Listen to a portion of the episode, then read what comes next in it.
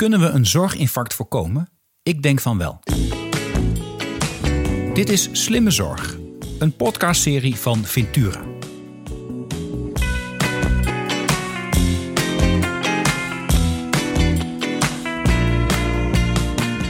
Mijn naam is Arno Rutte. In deze podcast spreek ik bestuurders, specialisten en patiënten over de uitdagingen in de zorg. In ons vergrijzende land is het behouden van goede zorg voor iedereen een grote uitdaging. De vraag naar zorg neemt toe en verandert. Het aantal mensen dat zorg kan leveren kan niet toenemen. Als we niets doen, loopt de zorg vast in een zorginfarct. En daar maak ik me druk op. In deze podcast ga ik samen met mijn gasten op zoek naar de oplossingen waarmee we het zorginfarct kunnen voorkomen. Mijn gast van vandaag is Chris van den Haak. Hij is partner bij BDO en 27 jaar actief in de accountancy. En daarvan is hij al 15 jaar actief in de gezondheidszorg en hij is voorzitter van de branchegroep Zorg van BDO.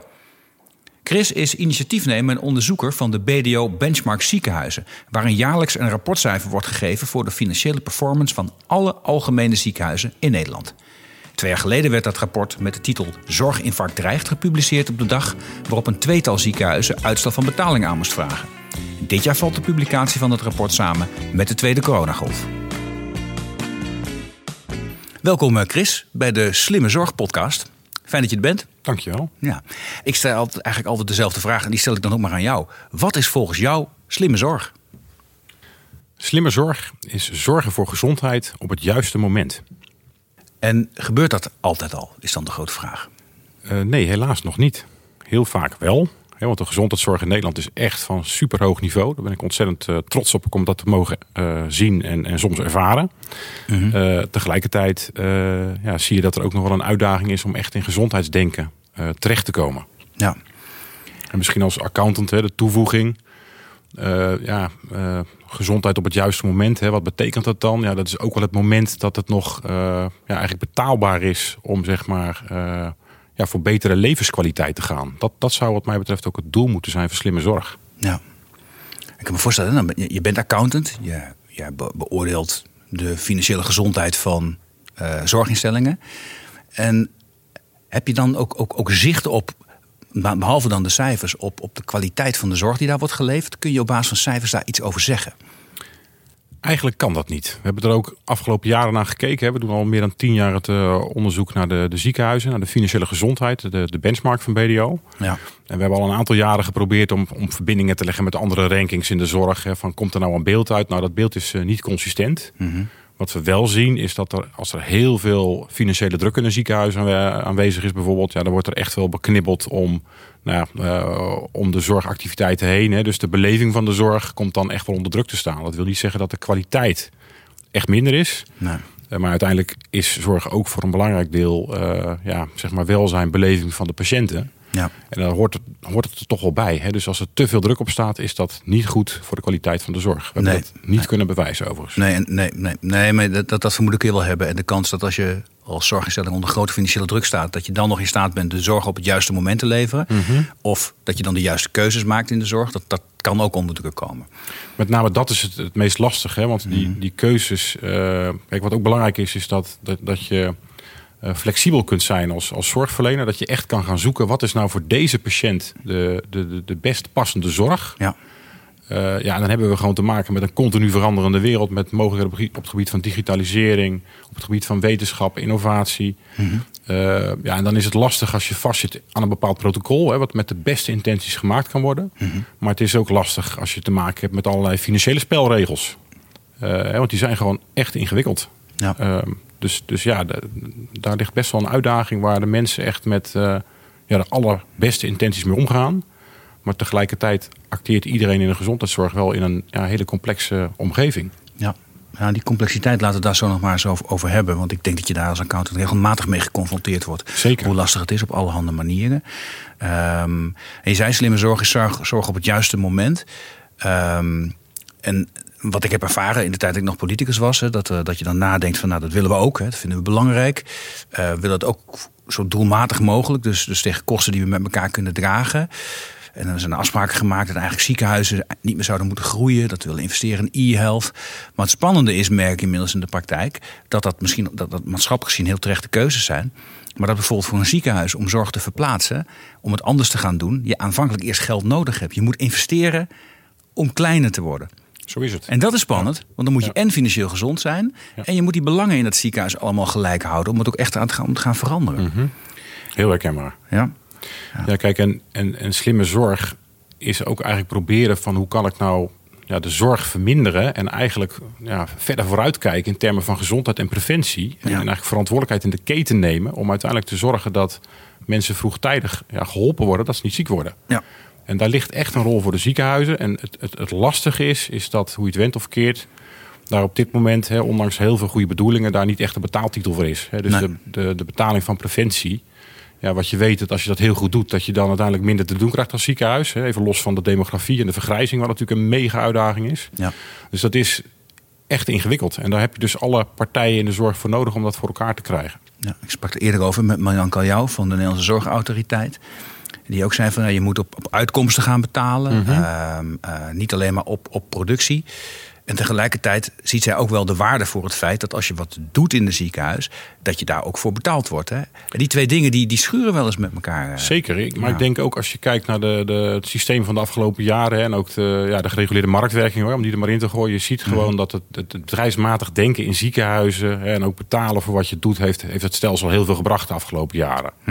Alleen we zitten nu op een punt eh, dat het gewoon toch eh, evident is dat de zorg onbetaalbaar wordt. Met andere woorden, we moeten een oplossing zien te vinden voor de toenemende druk. Eh, nou, vanwege de stijgende vraag, hè, dus zeg maar de vergrijzing aan de kant van de vraagkant, maar ook aan de kant van de beschikbaarheid van zorgmensen, mensen, mensen in de zorg. Ja.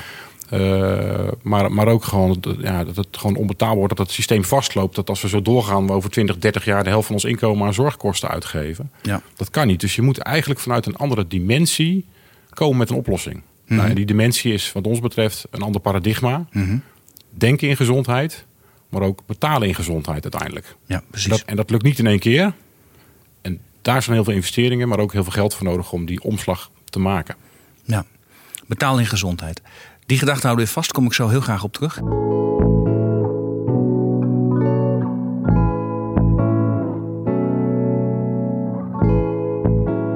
Want diezelfde ziekenhuizen, die, houden, die, die, die worden door jullie als BDO elk jaar gecontroleerd. Hè. Je, doet daar het, eh, je zijn accountant. Ja. Maar daarnaast maak je ook elk jaar een, een soort ranglijst, een, een, een Ja. benchmark van die ziekenhuizen. En volgens mij gaat die benchmark niet over van wat is nou het beste of het slechtste ziekenhuis, helemaal niet. Maar jullie kijken ieder jaar opnieuw naar de financiële gezondheid van ziekenhuizen onderling. Zou je daar eens over kunnen vertellen? Ja, klopt wat je zegt. Kijk, wij vinden het randvoorwaardelijk eh, dat een ziekenhuis zelf eh, ja, financieel gezond is om uiteindelijk de regie te kunnen pakken in de zorg. Hè? Want er moet heel veel gebeuren. En dat wordt gewoon lastig als het water je aan de lippen staat, financieel gezien. Nou, en ook als je kijkt naar het, het thema complexiteit, wat dus in de zorg zit, maar ook in de financiële verslaggeving van ziekenhuizen, Ja. Hebben wij geconstateerd dat, dat het eh, nou ja, ontzettend ingewikkeld is om die dikke jaarverslagen van ziekenhuizen te lezen. Om te kijken wat zeggen die jaarrekeningen nou eigenlijk. Ja. Nou, en wij hebben daarom de uitdaging opgepakt, meer dan tien jaar geleden, van joh, laten we nou eens in één rapportcijfer een uitdrukking geven van de financiële performance van een ziekenhuis. Compleet los van de kwaliteit van de zorg, maar toch om een indruk te geven van hoe gaat het daar nou mee? Ook vanuit de gedachte dat ja, ziekenhuizen ook organisaties zijn die gewoon een balans moeten hebben tussen opbrengst en kosten. En dat we, wat we constateerden, gegeven alle veranderingen in het stelsel, dat ze echt fiets zouden kunnen gaan. Ja, dat hebben we Nou, zelfs gezien, en, en dat is uiteindelijk ook eh, ja, gebeurd. En, Ja. en als je goed keek in onze lijstjes, dan zie je ook dat eh, helaas de ziekenhuizen die failliet gegaan zijn, dat die ook echt al eh, ja, best wel financiële uitdagingen hadden. En dat bleek dus ook uit onze ranking. Ja. En ook nu zie je weer het, het onderzoek wat wij vorige week gepubliceerd hebben. Mhm.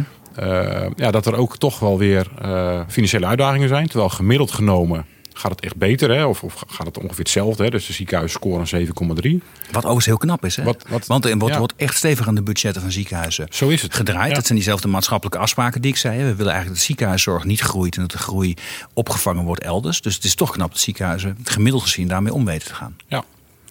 Maar goed, je zag dus ook eh, in de huidige ranking allereerst dat de faillissementsrisico's gedaald zijn. Hè? Onder andere om, ook omdat eh ja, de stakeholders veel alerter zijn op de financiële positie van ziekenhuizen. En er veel meer geholpen wordt. Hè? Dus in die zin is de gedachte van samenwerking. Ja. Ik denk ook wel na eh Slotervaart en IJsselmeer is echt beter ja, in, de, in de keten doorgedrongen. Hè? Dus er wordt geholpen om ziekenhuizen in de lucht te hangen, te houden.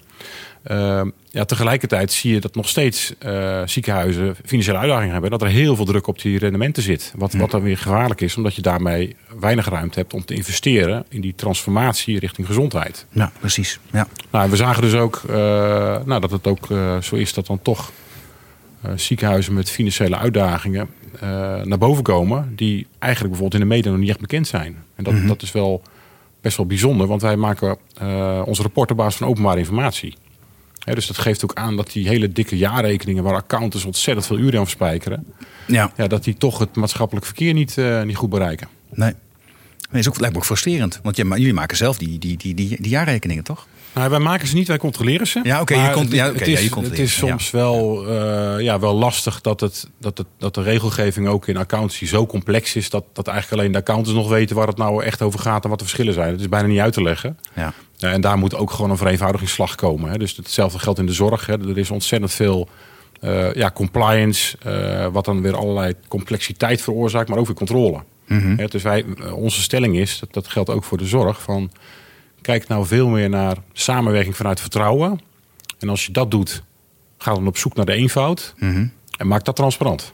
Ja. En als je dat transparant maakt, ja, dan is die controle of veel makkelijker of goedkoper, of misschien zelfs niet meer nodig. Niet meer nodig zelfs. Dat zou helemaal wat zijn. Nou, een heel mooi voorbeeld vind ik uh, ja, de effectiviteit van de, de WNT, hè, de Wet Normering Topinkomens. Ja, want dit, uh, voor de luisteraar, dat, een aantal jaren terug is gezegd dat mensen die een functie bekleden die betaald wordt met maatschappelijk geld, dat die, dat was toen een beetje de norm, de balken en de norm in principe niet meer zouden mogen verdienen dan de minister-president. Dat is een beetje platgeslagen. Denk, nou, dat is een makkelijke regel. Dat is helemaal niet. Blijkt in de praktijk heel ingewikkeld. Er zijn wat uitzonderingen op. Er worden dingen bijgeteld, niet bijgeteld. En, uh, uh, en, en het blijkt een enorme controlecircus op te, op te leveren, toch? Ja, kijk, de gedachte achter die wet is gewoon heel erg goed. Ja. dus je ziet gewoon dat, uh, dat, dat er echt, uh, echt ook wel uh, zicht gekomen is op de, de salarissen van bestuurders. Je ziet ook dat die getemporiseerd, getemperd zijn. Ja. alleen tegelijkertijd zie je dat er wetgeving ontstaan is op wetgeving, op wetgeving, op wetgeving. En dat het daarmee heel complex wordt. Dus er is ook wel behoefte aan rust op dit dossier. Mm -hmm.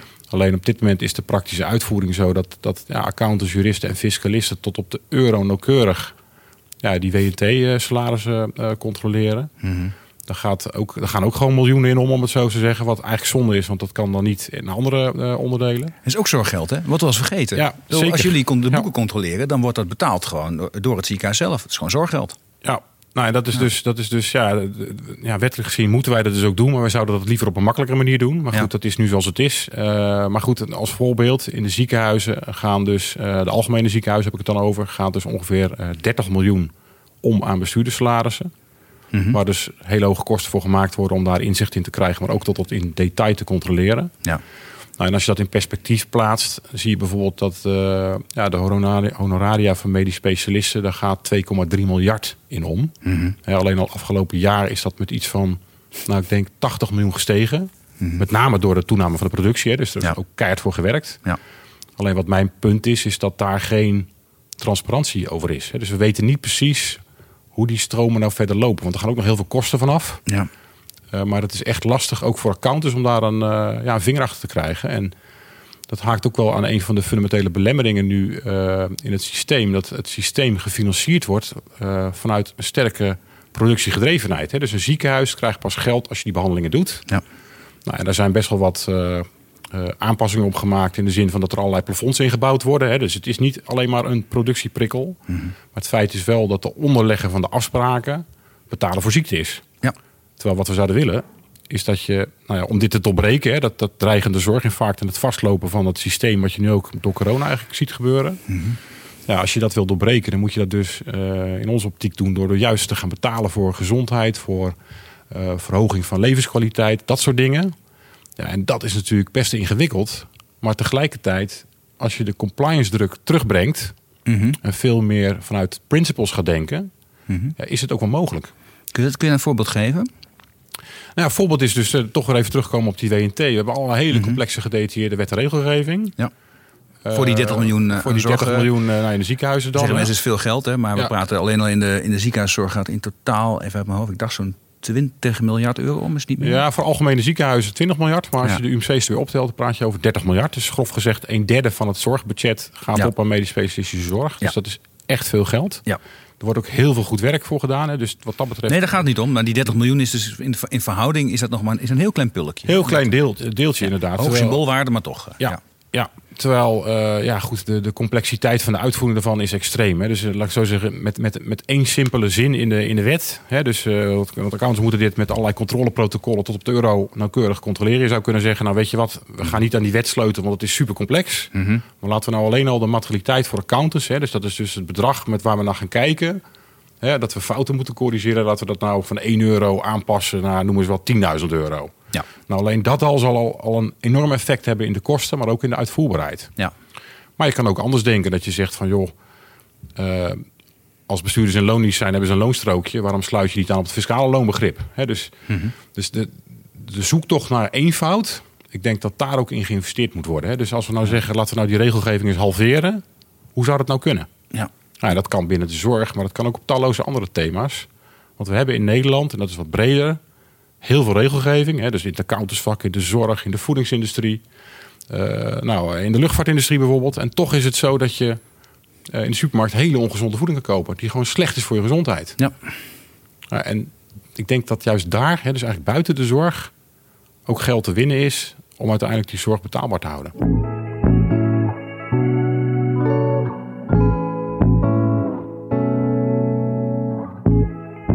Als je kijkt naar die zoektocht naar eenvoud in, in, in de regels, dan, dan dat, dat is ook een politieke worsteling van, van die, die, die veel groter is dan, dan gezond voor is, is bijna. Neem bijvoorbeeld die, ja, die, weer die bestuurderssalarissen. Dat op zich dat je een politiek besluit neemt, dat je zegt, ik vond het wel erg hoog, kan dat niet gematigd en in lijn gebracht worden met? Nou, dat kan. Dat is prima. En dan ja. komt er inderdaad een heel pakket aan, aan regelgeving, hoe dat er precies uit moet zien. Uh, uh, als je kijkt naar hoe, hoe ziekenhuizen zijn gefinancierd, dat was in het verleden heel eenvoudig. Lump sum. Had je weinig regels, had je weinig registratielast aan. Uh, als je het, helemaal, het niet helemaal terecht zoals ik nu zeg, maar in de basis zeg je, nou, ik geef gewoon vooraf in het begin van het jaar een zakje geld. En daar mag u van doen wat u doet. Vertrouwen aan de, aan de, aan de zorgaanbieder. In de praktijk bleek dan in september of in oktober dat de zorg altijd op was. Nou, vonden we niet fijn. We wilden ook wel graag iets meer weten over kwaliteit van zorg. En voor je het weet kreeg je allemaal regels. -hmm. Registratieregels, uh, DBC-regels. Dus dat je betaalt per verrichting. Nou, allemaal, allemaal prima. Er worden, worden dingen duidelijker van, in principe. Totdat als je de hele wirwar bij elkaar pakt, is het ik helemaal niet meer duidelijk. Registreren we ons suf. En moet Klopt. je afvragen of je nog wel in de balans zit van wat je wilde bereiken. Namelijk loon naar werken, wat op zich prima is. Um, uh, een goede kwaliteit, ja, zijn we allemaal voor. Maar met zoveel regels, zoveel, zoveel parameters, ja, dan gaat er te veel tijd in de, in de administratie zitten. En te weinig nog in de kwaliteit van de, van Ja, de zorg. zo is het. Kijk, terwijl die, de lumpsim was ook de oplossing niet. Hè, want je gaf het al aan, hè, die wachtlijsten, dat, uiteindelijk werd de zorg er ook niet beter van. Alleen Ja. Wat, wat nu het bijzondere is van dit tijdsgevricht, is dat we nou, door al die regels en de afgelopen jaren, hoe het zich geëvalueerd heeft, het systeem. Uh, en wat we nu bij de coronacrisis zien gebeuren, is dat er ontzettend veel data beschikbaar komt. Informatie. Hè? Want we Ja, proberen het is allemaal... een unieke experiment wat dit betreft. Ja, wat dat betreft, dat is. is, het eh. is heel vervelend, maar uh, dus, dus dat, dat, dat, daar zijn ook geen woorden voor eigenlijk. Maar tegelijkertijd gaat dit uh, qua informatie waanzinnig veel opleveren in termen van hoe kunnen we nou de toekomst duurzaam inregelen. Mm -hmm. Uh, moet je bijvoorbeeld denken aan vraagstukken die best gevoelig liggen. Hè? Van, we hebben natuurlijk het faillissement van de ziekenhuizen gezien twee jaar geleden. Ja. Nu blijkt gewoon, hè, of laat ik het zo zeggen, er zijn hele sterke aanwijzingen voor dat een deel van die zorg verdampt is. Nou, welke zorg is dat nu? Kun je daar een vinger achter krijgen? Ja, dat is, dat is, verdampt bedoel je mee dat, eh, dat, dat, dat die zorg werd toen geleverd. Ja. Het ziekenhuis gaat weg en mensen zijn niet elders die zorg gaan. Ja, of mensen hadden een operatie gepland en toen, uh, toen zijn ze naar een ander ziekenhuis overgebracht. Is er toch weer gesproken en is soms gewoon gezegd, ja weet je, misschien kun je het ook op een andere manier doen. Ja. Hè, maar we zien het nu ook met, met de eerste golf. Is dat natuurlijk een deel van de zorg is uitgesteld. Wat soms echt verschrikkelijk is. Hè. Noem eens wat. Je hebt behoefte aan een nieuwe heup. Wat keihard nodig is, maar het kan even niet. Ja. Ja, dat is nog steeds belangrijk. Hè. Dus Ja. dat moet gewoon gebeuren. En het is heel ernstig als het niet kan. Uh, aan de andere kant is het ook zo dat ook een deel van die zorg op de een of andere manier niet ingehaald hoeft te worden. Nou, dat is heel interessant. Welke zorg is dat dan? En kunnen we daar wat van leren? Ja. Uiteindelijk ook omdat ja, er is zoveel vraag dat niemand zich zorgen hoeft te maken over zijn baan in de zorg. Want ja, er is altijd werk. Maar laten we dan vooral de beschikbare ja, mankracht, menskracht inzetten daar waar het echt nodig is. Uh, en en da- dat is de zoektocht die we, ja, hoe je het went of keert, ook met de data die nu beschikbaar komt. Uh, ja, kunnen we die zoektocht, uh, die challenge, kunnen we gewoon aangaan. Het is wel interessant. En daar zou je dus ook als, als accountantsbureau je bijdrage aan kunnen leveren. Jullie hebben Absoluut. verstand van, van cijfers en van data-analyse als het moet. eh. Zo is het. En, en ja, wat ik zeg, wij, wij hebben al jaren doen we dit onderzoek met name om te kijken van hoe hebben nou die financiële stromen, hoe hebben die nou impact op de zorg? En, en de conclusie is gewoon, eh, die financiële stromen hebben gewoon impact op de zorg. Ja. Dat, en dat betekent dus ook dat je ook eh, moet willen weten hoe die nou precies lopen. Mhm. Nou, en, en daar zie je toch dat, dat we daar nog een weg te gaan hebben. En dat heeft ook te maken met de, de complexiteit van ziekenhuizen. Ehm, ja, dat is echt wel een gevoelig punt. Wat wel beetgepakt moet worden. Omdat het samen met de financiën soms een onderstroom is. Van hoe kun je nou die transformatie voor elkaar krijgen. Ja, een transformatie waarin je in het ziekenhuis laat doen wat echt in het ziekenhuis moet plaatsvinden. En zoveel mogelijk thuis laat gebeuren, wat thuis kan, of in, in tussenoplossingen. En dat je Ja, na- denk- die zorg op de juiste plek. Zo krijgt. is het. Ja, denken in gezondheid. Maar dan ook meer vanuit het idee dat het ziekenhuis het expertisecentrum is. Wat eigenlijk regie voert over de zorgketen. Hè, dus Mhm. in de regio. Maar ook met, met gebruik van digitalisering. En de laatste, de meest recente wetenschappelijke inzichten. Mhm. Om uiteindelijk zo vroegtijdig te signaleren dat het met mensen niet gaat zoals het zou moeten gaan op gezondheidsgebied. En dat je dan een interventie kan plegen Mhm. die op dat moment nog betaalbaar is. Waardoor Mhm. Er ook gewoon geld overblijft voor, voor mensen die gewoon eh, echt hele dure zorg nodig hebben, omdat het niet anders kan. Ja. Nou, en wat je dan ziet, hè, ook vanuit de, het onderzoek wat wij gedaan hebben, als we kijken naar de, naar de cijfers, Mhm. dan zie je eigenlijk eh, ja, drie fundamentele belemmeringen om die transformatie naar gezondheid eh, te realiseren. Vertel. Nou, de, de eerste is eigenlijk de, de, de druk op, het, op de exploitatie van ziekenhuizen. Dat, dat, dat ze zoveel moeite moeten doen om gewoon de zorg zoals die nu is draaiende te houden.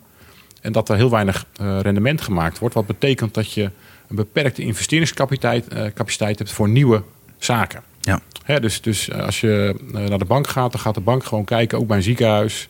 Van wat is nou het businessmodel? Kunnen we nou die investering in die OK terugverdienen of niet? Ja. Nou, en als dan blijkt dat je ja, verlies maakt of dat het rendement heel erg dun is, dan kom je niet tot, tot, tot veranderingen. En, en helemaal niet eh, tot, tot, tot ideeën die echt heel erg innovatief zijn. Als je bijvoorbeeld zorg wil verplaatsen naar de huisarts. Ja. En je weet dat dat op lange termijn gewoon eh, ja, minder omzet oplevert. Ja, dan moet je daar ook een soort comfort bij krijgen. Dat het dan ook opgelost wordt. Dat je geholpen wordt om naar die nieuwe situatie te gaan. Ja. Nou, ja, dus die druk op die exploitatie. En, en dat, dat heeft onder andere ook te maken met het hoofdlijnakkoord. Met de CAO die afgesproken is. Hè, waardoor de salariskosten doorlopen. Mhm. Terwijl de ziekenhuizen naar verwachting toch minder gecompenseerd worden daarvoor. Dus het voelt een beetje als een soort financiële fuik. Ja. Waar ziekenhuizen zitten. Nou, dat is de eerste belemmering. Ja, en, en, en dan- die rendementen, hè, want dat, ik weet niet of, of alle luisteraars het weten, maar ziekenhuizen maken echt rendementen van dan 1%? Of Ja, anderhalf procent gemiddeld nu. Hè. Dus het is Ja. al jarenlang zie je dat, dat het eigenlijk een beetje nou, een dalende trend is. En, en Mhm. nou, ja, ten opzichte van 2018, hè, want we praten over cijfers 2019, is die dan stabiel laag gebleven. Maar nog steeds te laag om uiteindelijk eh, ja, zeg maar heel veel investeringen te gaan, gaan plegen die eigenlijk nodig zijn. Ja, maar dat is het punt. Hè? Want op zich zou je zeggen, ja, waar moeten ziekenhuizen winst maken? Nou, dat is geen doel aan zich. Maar je moet financieel gezond zijn om te kunnen reserveren voor grote investeringen. En het gebouw schrijf je af. Eh, Je moet eh, soms nieuwe, nieuwe zorg kunnen leveren die je eerst niet had. Dure apparaten aanschaffen. Of juist dingen niet meer doen, maar ook afstoten van zorg kost geld. Ja, en dat betekent ook dat je dus als het ware een buffer moet hebben voor als het tegen zit. Hè. Dus denk Ja. aan de coronacrisis. Ja, die is zo ontzettend groot, waardoor die buffer gewoon per saldo niet, of per definitie niet voldoet. Hè. Dus er is gewoon hulp nodig voor zorgverzekeraars die overigens ook geleverd wordt. Maar Ja. ja. het punt is, het begint met druk op je resultaat. Vervolgens kunnen je buffers onder druk komen te staan. En als dat dan eh, heel erg wordt, dan kun je ook nog eens een keer in betalingsproblemen komen. Nou, dat hebben we natuurlijk met uh, IJsselmeer gesloten vaart gezien wat er dan gebeurt. Ja, dan kan het snel misgaan. Dus, ja. dus laat ik zo zeggen, dat het rendement is een hele belangrijke uh, indicator om ook de regie te kunnen voeren over uh, ja, wat je als ziekenhuis wil, waar je in gelooft. En ook die transformatie naar gezondheidsdenken te maken. Hè? Want dat is ook sectorbreed, wordt dat steeds meer omarmd, wat eigenlijk heel goed is. Ja. Nou, en, maar goed, dat, je ziet dus dat het niet zo makkelijk is om die verandering door te maken. Nee. Ja, het, het, het, tweede punt uh, is eigenlijk, nou, waar we het eigenlijk over hebben gehad, hè, dat, dat je uh, de, de financiering primair ja, vanuit de productie regelt. Ja. Dus als je veel doet, je bent gespecialiseerd, dan kan dat ook goed zijn. Maar wat eigenlijk zo zou moeten zijn, is dat je geld zou moeten krijgen om mensen gezond te houden. Mm -hmm. dus je zou eigenlijk geld moeten krijgen om bijvoorbeeld de regio waarin je actief bent, om te zorgen dat daar de zorgkosten voor die regio omlaag gaan. En dat mensen vitaler zijn, dat mensen nou ja, meer levenskwaliteit uh, krijgen. Alleen dat, ja, dat, dat, dat, dat, dat, dat staat soms haaks op hoe zeg maar, de financiering in de basis ingeregeld is. Ja. Goede nieuws erbij is dat er inmiddels heel veel mogelijkheden zijn om in overleg met zorgverzekeraar wel tot andere afspraken te komen. Ja. Dus die... Ja, die willen ook heel graag, maar die, puzzel, die zitten ook te puzzelen. En, ehm, en het, het, is ook een ingewikkelde puzzel. Want als je het over complexiteit hebt, ziekenhuizen hebben een eigen financiering, de huizen hebben een eigen financiering, de wijkverpleging heeft een eigen financiering. Ja, ja je zit met allerlei schotten. Ja. en, het die zijn er allemaal met reden. Hè. Als je, als je alleen maar huisartszorg nodig hebt, is dat heel fijn. Dat wordt dan betaald via populatiebekostiging. Uh, nou, mogen, mogen luisteren als ze er niet in geïnteresseerd zijn, meteen weer vergeten. Maar dat is een, een idee dat je een huisarts gewoon standaard financiert uh, voor, voor de, de, hoeveelheid patiënten die die heeft. Mhm. En met een klein bedragje per, uh, per patiënt. Dat is voor huisartsen heel goed. En er is ook wel een reden waarom je dat voor ziekenhuizen deels anders doet.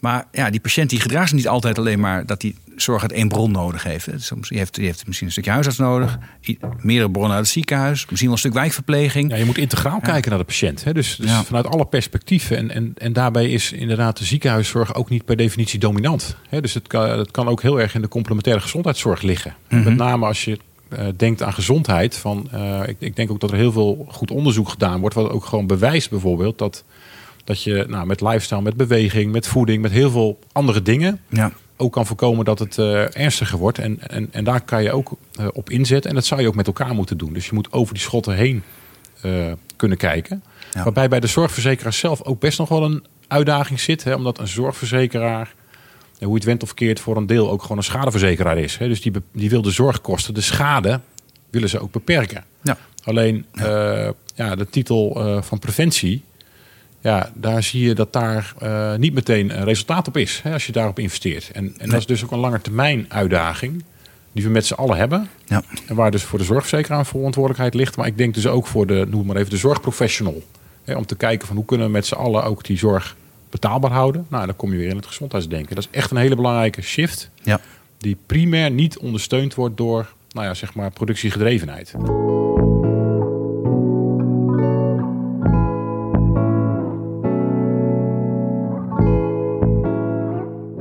net vanuit van Ventura een eigen manifest gemaakt. Zorg nu voor later. En de eerste oproep die daarin staat is zet gezondheid voorop. Ja. In het hele zorgdenken moet je beginnen nu eigenlijk met, met, met de ongezondheid en het bestrijden daarvan.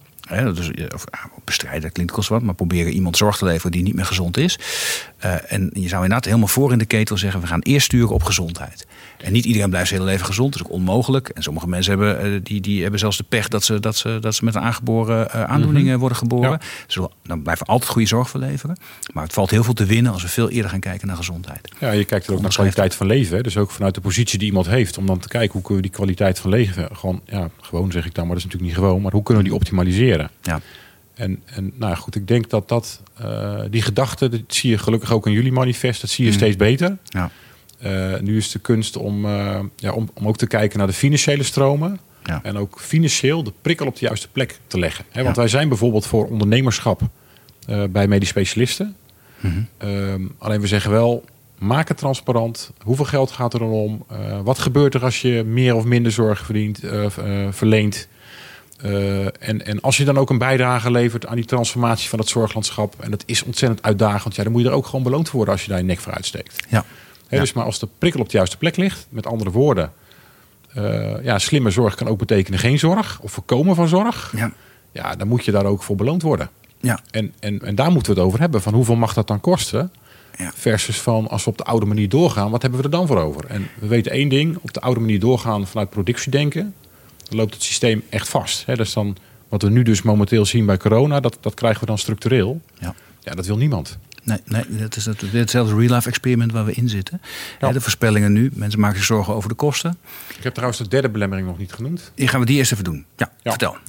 Ja, de derde belemmering zit echt wel in de complexiteit. Uh, ja, en ook de samenwerking met, met medisch specialisten. Daar hebben we mm. verschillende uh, vormen van. Hè. Dus medisch specialisten kunnen in loondienst zijn. Ze kunnen vrij gevestigd zijn. Ja. Nou, en dat, zijn allemaal, uh, dat is allemaal een situatie die zo gegroeid is als het is. Daar zijn wij in de basis ook niet op tegen. Mm -hmm.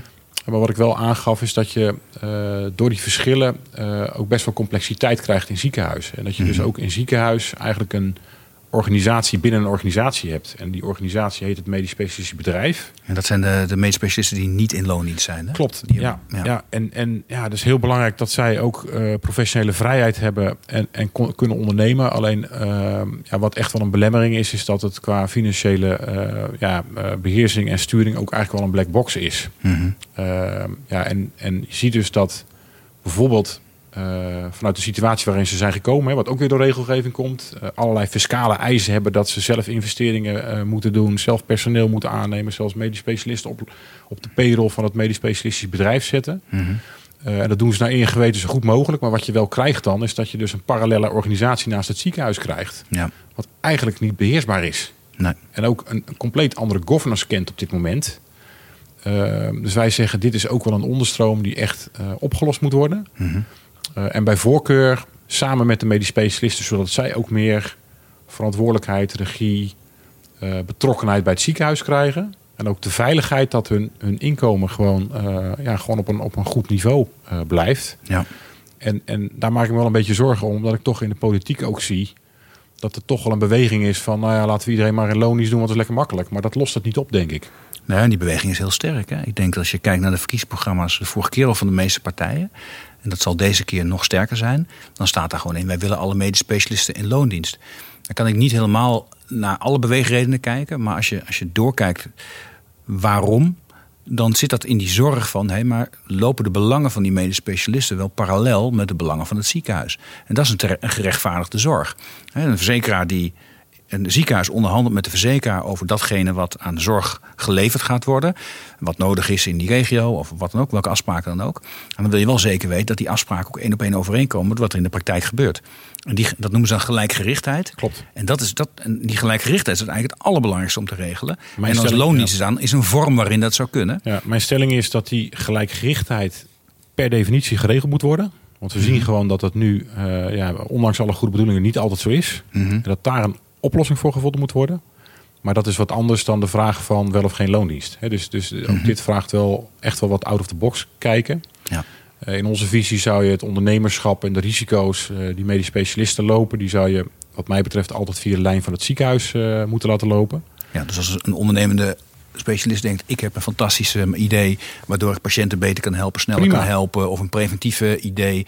En vanuit het ziekenhuis denken ze: maar dat is inderdaad hartstikke goed. Ja, gewoon ga ervoor. Ja, ga erdoor. Laat het vanuit het ziekenhuis ook ondersteunen en ook de regie uh, nemen. Mhm. En dat wil helemaal niet zeggen dat zo'n initiatief vastgeklonken moet zijn aan de stenen van het ziekenhuis. Want het ziekenhuis wordt steeds meer een, ja, een, een expertisecentrum, deels ook digitaal. Hè, wat we nu ook bijvoorbeeld met corona zien, dat, dat ze ook vanuit die rol heel veel kunnen betekenen, mm maar blijf wel bij elkaar. En, en, want als je dat doet, dan kun je beter samenwerken met de rest van de keten. Mhm. Eh, waardoor uiteindelijk iedereen beter wordt. Dus dat, dat, dat zou mijn oproep zijn: van zorg dat je een manier vindt waarbij je nog meer kan of nog beter kan samenwerken, zeg maar, met het ziekenhuis, binnen het ziekenhuis. Mhm. Om uiteindelijk met alle ketenpartners ook zo effectief mogelijk uh, samen te werken. Ja. En, en ja, ook vanuit financieel perspectief, daar hoort dan ook wel transparantie bij. Want het gaat ook om maatschappelijk geld. En het is eigenlijk zonde dat er nu met complexe structuren uh, ook gewoon geld verbrand wordt. Omdat het zo ongelooflijk ingewikkeld is. Dat het, dat het ook voor bestuurders soms niet te overzien is wat er nou precies in een eigen ziekenhuis binnen een MSB gebeurt. Het lijkt me lastig als je, als je financieel onder druk staat. Dat er dus een hele grote financiële stroom is waar je geen, misschien niet, niet volledig controle over hebt. En die ook iets, iets kan doen met jouw ziekenhuis als, als bestuurder. Ja. Ingewikkelde puzzel. Dat, dat, is het. En, en nou goed, het zal echt wel voor, voor 90, 95 procent zal het allemaal eh, goed zijn in het belang van de patiënt. Maar mhm. ja, we praten over zulke zo grote bedragen. Hè, dat, dat, dat ook kleine percentages, uh, daar praat je echt over uh, honderden miljoenen. Ja. Ja, ja, dat gaat heel hard inderdaad. Meer dan die bestuurderssalarissen nog. Ja, en als je dat dan in perspectief plaatst, dan denk ik van ja, dan is het natuurlijk leuk dat we die bestuurdersbeloning helemaal hebben dichtgezet. Hè, dat, dat het helemaal plat gecheckt wordt. Maar mhm. ik denk niet dat dat de belemmerde factor is van de transformatie in de gezondheidszorg. Nee, dan zeg je, stuur dan op die gelijkgerichtheid van de belangen tussen de, de belangrijkste, belangrijkste spelers, nee, niet de belangrijkste, maar zeer belangrijke spelers in ziekenhuis. De medisch specialist. Hè, zonder medisch specialist geen ziekenhuis. Ja. Ik zeg niet de belangrijkste, want zonder verpleegkundige heb ik ook geen ziekenhuis. Laat het duidelijk zijn. Hè. En, nee. uh, maar die, die hele belangrijke speler. Um, uh, ja, dat moet gelijk gaan liggen met datgene wat ook voor het ziekenhuis zelf belangrijk wordt gevonden. Zo is het. Zeker als je ingewikkelde veranderingen door moet maken. Want dat wordt, dan wordt het extra spannend. Als je altijd hetzelfde blijft doen, dan, maakt het allemaal, dan, dan loopt het waarschijnlijk wel ongeveer parallel. Maar juist een heel sterk veranderend landschap, waarin ook dingen moeten veranderen. we hebben het gehad inderdaad over kosten. Mhm. Maar uh, uh, we hebben het een beetje gehad, maar dat is misschien wel een veel grotere zorg. Het gebrek aan personeel. En we hebben dus de resources. En dat gaat over alles. Dat gaat over verpleegkundigen, maar het gaat ook wel over diezelfde medisch specialisten. Ik wil, ja, het is, het is pure verspilling als we, als we zorg leveren die niet strikt noodzakelijk is. En nu kan het allemaal nog net. Onder druk van corona zie je wat er gebeurt als het niet meer kan. Dan blijven ook mensen verstoken van zorg waarvan wij misschien wel denken van ja, dit kan echt niet. Ja, en, en, de situatie waarin dat structureel is, ja, die is niet zo ver weg. Nee, het is heel dichtbij. En nou ja, wij geven het ook al jaren aan. Voor die, hier moet echt toch wel op ingegrepen worden. Eh, ja. Ook om te voorkomen dat het zorginfarct ja, structureel wordt. Hè, want daar spreken we nu gewoon over. Hè, over, over het Ja. zorginfarct. Ja. Ja, en, en er zijn zoveel mensen met zoveel eh, goede bedoelingen in de zorg. Dus probeer dan maximaal te faciliteren dat zij goed kunnen samenwerken. Ja. Ja, en dat is dus over de muren van het ziekenhuis heen, eh ketenbreed. En ook bekijken van ja, wat zijn nou belemmeringen. En dan kom je toch vaak wel bij compliance en complexiteit. Ja. Eh, dat we dat moeten inwisselen voor, eh, ja, voor samenwerking en eenvoud. Om uiteindelijk ook die transparantie ook weer makkelijker te maken. Ja, ja. ja en, en, dan, en, en, die, en die transparantie en eenvoud. De transparantie is misschien wel de belangrijkste dan ook. Hè? Want dan, dan kun je, daarmee kun je wel de, de dingen die je echt niet wilt, blijven dan ook in beeld. Dat je Ja. zegt, dan maak het dan transparant. Ja, waarbij Dan hoef je minder te controleren, want iedereen kan het zien. Zo is het. Waarbij wel heel lang de discussie is geweest. Ja, kwaliteit, we kunnen het heel moeilijk meten. Al die indicatoren, heel ingewikkeld. Maar uiteindelijk eh, zullen we nu gewoon zien dat, dat, dat data ongelooflijk veel informatie gaat opleveren. En, en de, de stand van de techniek is inmiddels zover dat we het ook niet meer kunnen permitteren om dat links te laten liggen. Dus wat dat betreft zie ik het ook wel heel positief in. Dat als je kijkt hoe de, de samenwerking tijdens corona in de, in de, in de, in de hele keten is. Ja. eh, als je ziet hoe snel er nu gedigitaliseerd wordt wanneer het echt nodig is. Ja, dat zijn echt wel eh, lichtpuntjes. Ja. Alleen tegelijkertijd zie je ook dat tussen de twee coronagolven in dat het ook weer terugveerde. Ja, en dat, is, dat, dat vind ik wel zorgwekkend. Kijk, corona is natuurlijk een ultieme crisis, dat weten Ja, we ook. En, ja. en het zet het hele zorgsysteem onder druk. Maar die crisis die is ook structureel gaande. Dat is die personeelscrisis. Ja. Kijk naar, naar, de, naar de berekeningen vanuit de, de ministeries, waarin ze ervan uitgaan dat als je hetzelfde niveau van zorg wil leveren en de zorg niet zou transformeren, dan zouden we ieder jaar 40.000 extra zorgprofessionals nodig hebben. Dat zijn er 770 per week, 110 per dag, inclusief de weekenden. Ja. En dan moeten ze er ook bij.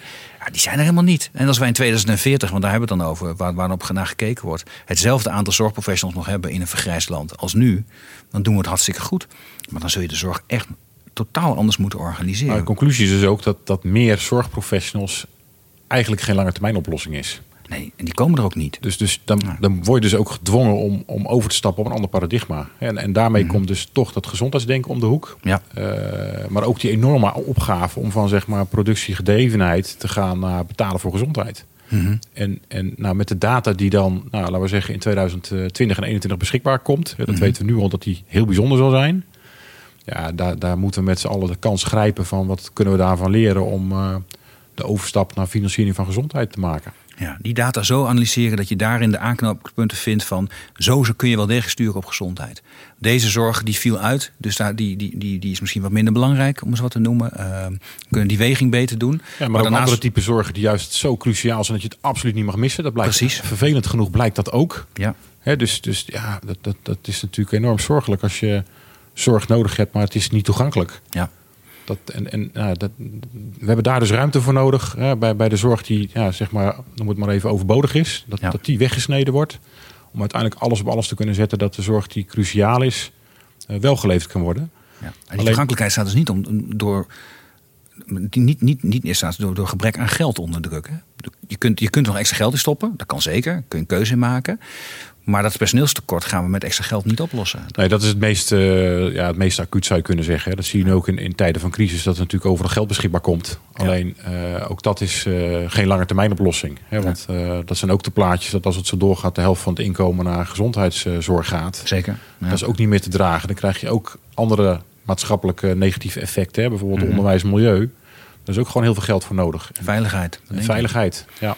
En de reële economie, maar dat, dat, ja, dat worden misschien mensen weer boos. Maar de reële economie is hetgene wat niet via collectieve uitgaven wordt gefinancierd. Hè. Dat, eh, de industrie en eh, nou, datgene waar die, die, daar uiteindelijk het, het geld moet worden verdiend om ook de, al die andere services te kunnen betalen. Ja, die komt dan ook onder enorme druk. Als, Ja. als, als, als, als iedereen in de zorg werkt en het geld gaat allemaal naar zorg, ja, dan hou je een maatschappij over die geen geld meer verdient. Die zijn, zijn andere voorzieningen niet meer in stand kan houden. Nee, dat is dus ook niet houdbaar. Dus, dus wat dat betreft pleit ik echt wel om, om breed te kijken en te denken. En ook gewoon ja, de, de belangen te overstijgen.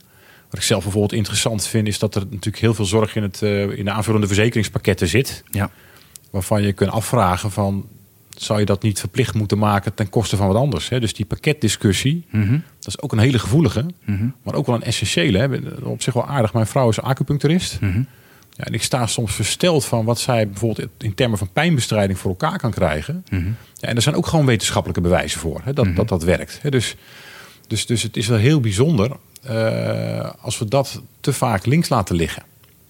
Uh, terwijl de kosten daarvan, hè, van, van dat soort behandelingen, die zijn echt, echt nou, minimaal. Ja. Hè, en, en, en je kan dan zeggen, ja, er zit er dus ook geen verdienmodel achter. Ja, maar dan, dan, dan moet je wat mij betreft anders kijken in termen van betaalbaarheid. Hè. Dus mm -hmm. als iets heel goedkoop is, mm -hmm. wil het niet zeggen dat het niet goed is. Dan zou het effect voorop, zou het resultaat voorop moeten staan. Ja, in de, de gezondheid, gezondheid, ja. in kwaliteit van leven. En, en als je dan met elkaar gaat samenwerken, van hoe kan het elkaar nou versterken? Is het complementair aan elkaar? Mm -hmm. En je gaat dan denken in termen van gezondheidswinst en, en nou, daar ook echt op gaan afrekenen. Mm -hmm. Ja, dat is echt een hele grote stap. En, en nou, da, daar is dus heel veel ja, geld voor nodig om dat te maken. Ja. Maar uiteindelijk wordt dan in de verdere toekomst wordt het wel betaalbaarder. Die investering nu doen op gezondheid, die zorgt ervoor dat ons systeem houdbaar blijft. Ja. ja. We hebben het toch wel over geld. Dat ja. is ook niet zo heel raar. Je bent ook accountant. Hè? Ja, zo is het. En dan naar, naar, naar jullie benchmark-rapporten teruggaan. Dan zie je dat je ziet ziekenhuizen die, die, die hele mooie cijfers over financiële gezondheid scoren. Je ziet ze die heel slechte cijfers scoren. En ik kan me voorstellen dat, dat ziekenhuizen die slecht cijfers scoren... daar heel ongemakkelijk uh, bij voelen. Ja. En dat het een soort, ja, weet je, een soort... Uh, eerste vlag omhoog is van de, de ondergang van een ziekenhuis. Want die scoort een soort, soort scoort slechte cijfers. Zijn er, maar zijn er ook voorbeelden van... Is dat, is dat altijd zo? Als je slecht scoort, dan is dat de opmaak naar steeds slechter? Of zijn er gelukkig ook al voorbeelden dat het, dat het nog dat de ommekeer te maken is? Nee, gelukkig zijn er heel veel voorbeelden uh, van ziekenhuizen... die, die uh, het echt financieel moeilijk gehad hebben... en er ook gewoon uitgekomen zijn. He, die, okay. die dus verbeterprogramma's hebben ge, uh, gehad... waardoor ze dus in continuïteit gezond kunnen worden. Nou, wat op zich wel mooi is mm -hmm. dit jaar dan... He, is, is toch wel een hele belangrijke is het uh, ziekenhuisgroep Twente. Mm -hmm. ja, die bungelde echt wel onderaan de lijst financieel gezien. Mm -hmm. ja, en die hebben toch, uh, ja, toch hele mooie bedrijfsmatige, bedrijfsmatige maatregelen genomen. Uh, waardoor ze nu gewoon echt een heel mooi hoog rapportcijfer hebben. Ja. Dus het kan wel. En het ja. kan soms ook best snel gaan. Alleen mm -hmm. wat je ziet, dat als je heel lang nou ja, onderaan die lijst bungelt... dan is er ook echt wel wat financieel aan de hand. En dan, ja. dan moet je ook wat doen om uiteindelijk weer de regie te kunnen pakken. Om je vooral bezig te kunnen houden met daar waar het om gaat. En dat is dus die, uh, nou, die zorg op de juiste plek. Ja, dus je moet daarmee aan de slag. Ja. Je moet zorgen dat je financiële resultaten verbeteren. Um, uh, dat gaat niet vanzelf. Hè. Dat is niet alleen maar meer geld aan de verzekeraar vragen en dan komt het goed. Waarschijnlijk moet je zo'n ziekenhuis helemaal binnenste buiten keren, het proces opnieuw onder, onder loep nemen, anders organiseren. Maar dan kun je er wel uitkomen. En als je dat niet doet, dan, kun, dan kan je ook in de glijbaan verder omlaag terechtkomen. Ja. Ja. En dan dreigen er ook voorzieningen verloren te gaan. Ja, dat, dat klopt. En ja, dat, daarbij hoort ook ja, de zoektocht van hoe organiseer je zorg zo goed mogelijk. Maar, maar ook van waar ben je als ziekenhuis, uh, ja, ligt je beste expertise? Hè? Of ben je een ziekenhuis ja. wat alles denkt te kunnen? Ja, daar, daar, zie je natuurlijk ook met de stand van de techniek dat er ook gewoon keuzes gemaakt moeten worden van wat je dan wel en wat je dan niet uh, uh, zeg maar als ziekenhuis kan aanbieden qua uh, ja, zorgaanbod hè, of, of gezondheidspreventieaanbod. Ja. Dus, ja, en dan soms volume wel weer belangrijk natuurlijk. Je kunt soms beter toch bundelen. En dat je een hele goede kwaliteit kunt leveren. De, de dure apparatuur zo goed mogelijk kunt bezetten. En, maar dan, dat, ja, dan, dan doet een ander wat minder. Ja, zijn, kan zeggen, dat zijn ook voor natuurlijk heel veel voorbeelden van gelukkig. Dat, dat als je specialiseert, uh, ja, dat je dan ook uh, hele hoge zorg kan leveren. Tegen ook uh, ja, zeg maar, ja, een goede balans met wat het kost. Ja. He, dus ook specialisatie, dat, dat kan ik alleen maar toejuichen. Ja. Wat er ook wel bij hoort dan, en dat gebeurt ook gelukkig heel veel, is ook wel echt onderzoek en ontwikkeling. Dat er ook gekeken wordt van nou, als we dan gespecialiseerd zijn in bepaalde behandelingen, mm -hmm. hoe kunnen we dan nog verder gaan in zeg maar het, het levenspad van mensen om te kijken hoe kunnen we dit nou zo vroeg mogelijk signaleren, zodat we het uh, ja, of kunnen voorkomen of in ieder geval in een vroeg stadium beter kunnen pakken. Ja. Want dan is het eigenlijk voor de burger, voor de patiënt is het altijd beter. Maar ook vanuit het bril van nou ja, financiën is het ook vaak goedkoper. Hey, dat leidt voor mij tot, tot de vraag die ik uh, ook altijd stel. Chris, je weet het maar nooit, maar je krijgt een belletje van de premier en die zegt: We hebben er eens over nagedacht. Chris, je schrijft, uh, schrijft van die mooie benchmark-rapporten. Je hebt er verstand van. Misschien moet jij de nieuwe minister van Volksgezondheid worden. En dan ga ik er even vanuit dat je dan ja zegt. Uh, voor, voor, voor. Maar wat zou, dan, wat zou het eerste zijn? Waar, je komt op je eerste dag in dat mooie ministerie. Wat is het eerste wat je, wat je zou aanpakken? Nou ja, ik, wat ik net ook al aangaf. Kijk, we zitten nu toch in, een, in, het, in het paradigma. Dat is ook eigenlijk een paradigma. Net als het denken van in ziekte in plaats van in gezondheid. Hè. Dus dat, die, die paradigma shift zou ik op, opzetten. Maar ik zou ook wel vanuit de uitgangspunten van in plaats van nou ja, de, de, de trits uh, wantrouwen, compliance, complexiteit, controle. Ja. Zou ik echt inzetten op we gaan uit van vertrouwen. Weliswaar high trust, high penalty. Hè. Dus als je het beschaadt, dan, dan is er ook echt wel wat aan de hand. Ja. Eh, maar vanuit het vertrouwen gaan we naar samenwerking in de keten. En dan gaan we kijken of ja, dat is eigenlijk best wel ingewikkeld met die, ko- met die schotten. Nou, hoe Ja. gaan we dat eenvoudiger maken? Mhm. En vervolgens, hoe gaan we het transparant maken? En als dat dan gebeurd is, dan komt nog de vraag: hebben we dan nog wel heel veel controle nodig? Of kunnen we dat afschalen? Dus eigenlijk zeg ik. Dan krijg je wel ruzie met je, met je huidige Nou ja, werkgever. Ik zou, maar nee, maar ik zou zeggen, dat is ook onze doelstelling. Wij- Probeer jezelf nou eens overbodig te maken. ja. Hè, en en Mm. dat- laat ik zo zeggen, als, een, eh, als accountant eh, bij een organisatie actief is die financieel supergoed in controle is, Ja. hebben we weinig werk. Maar ik vind dat een compliment. Ja. En hetzelfde geldt eh, ja, misschien wel voor een belangrijk deel van de zorg. Als je de zorg nou echt slim organiseert, Ja. heb je misschien wel veel minder zorg nodig. Ja. Nou, en, en, dat, en, en als je dat het hogere doel is, dat je dan betaalbaar kan houden wanneer het echt niet anders kan, Mhm. ja, dan, dan, dan, dan zou iedereen blij moeten worden. ja. Chris, ik wil je heel erg bedanken. Zulke mooie woorden heb ik niets aan toe te voegen. Graag gedaan. Oké. Dit was Slimme Zorg, de podcast waarin nagedacht wordt over oplossingen waarmee een zorginfarct voorkomen kan worden. Een podcastserie van Ventura. Abonneer je op deze show via iTunes of Spotify en voel je vrij om een review achter te laten. Ik vind het zelf enorm leuk om te lezen wat jullie van de podcast vinden. Je mag me ook mailen op podcast.ventura.com. Vond je de podcast leuk? Dan heb ik een opdracht voor je. Vertel over de podcast aan een van je vrienden of collega's. Mijn naam is Arno Rutte. Dit was Slimme Zorg. Je hoort mij over twee weken weer in een nieuwe aflevering.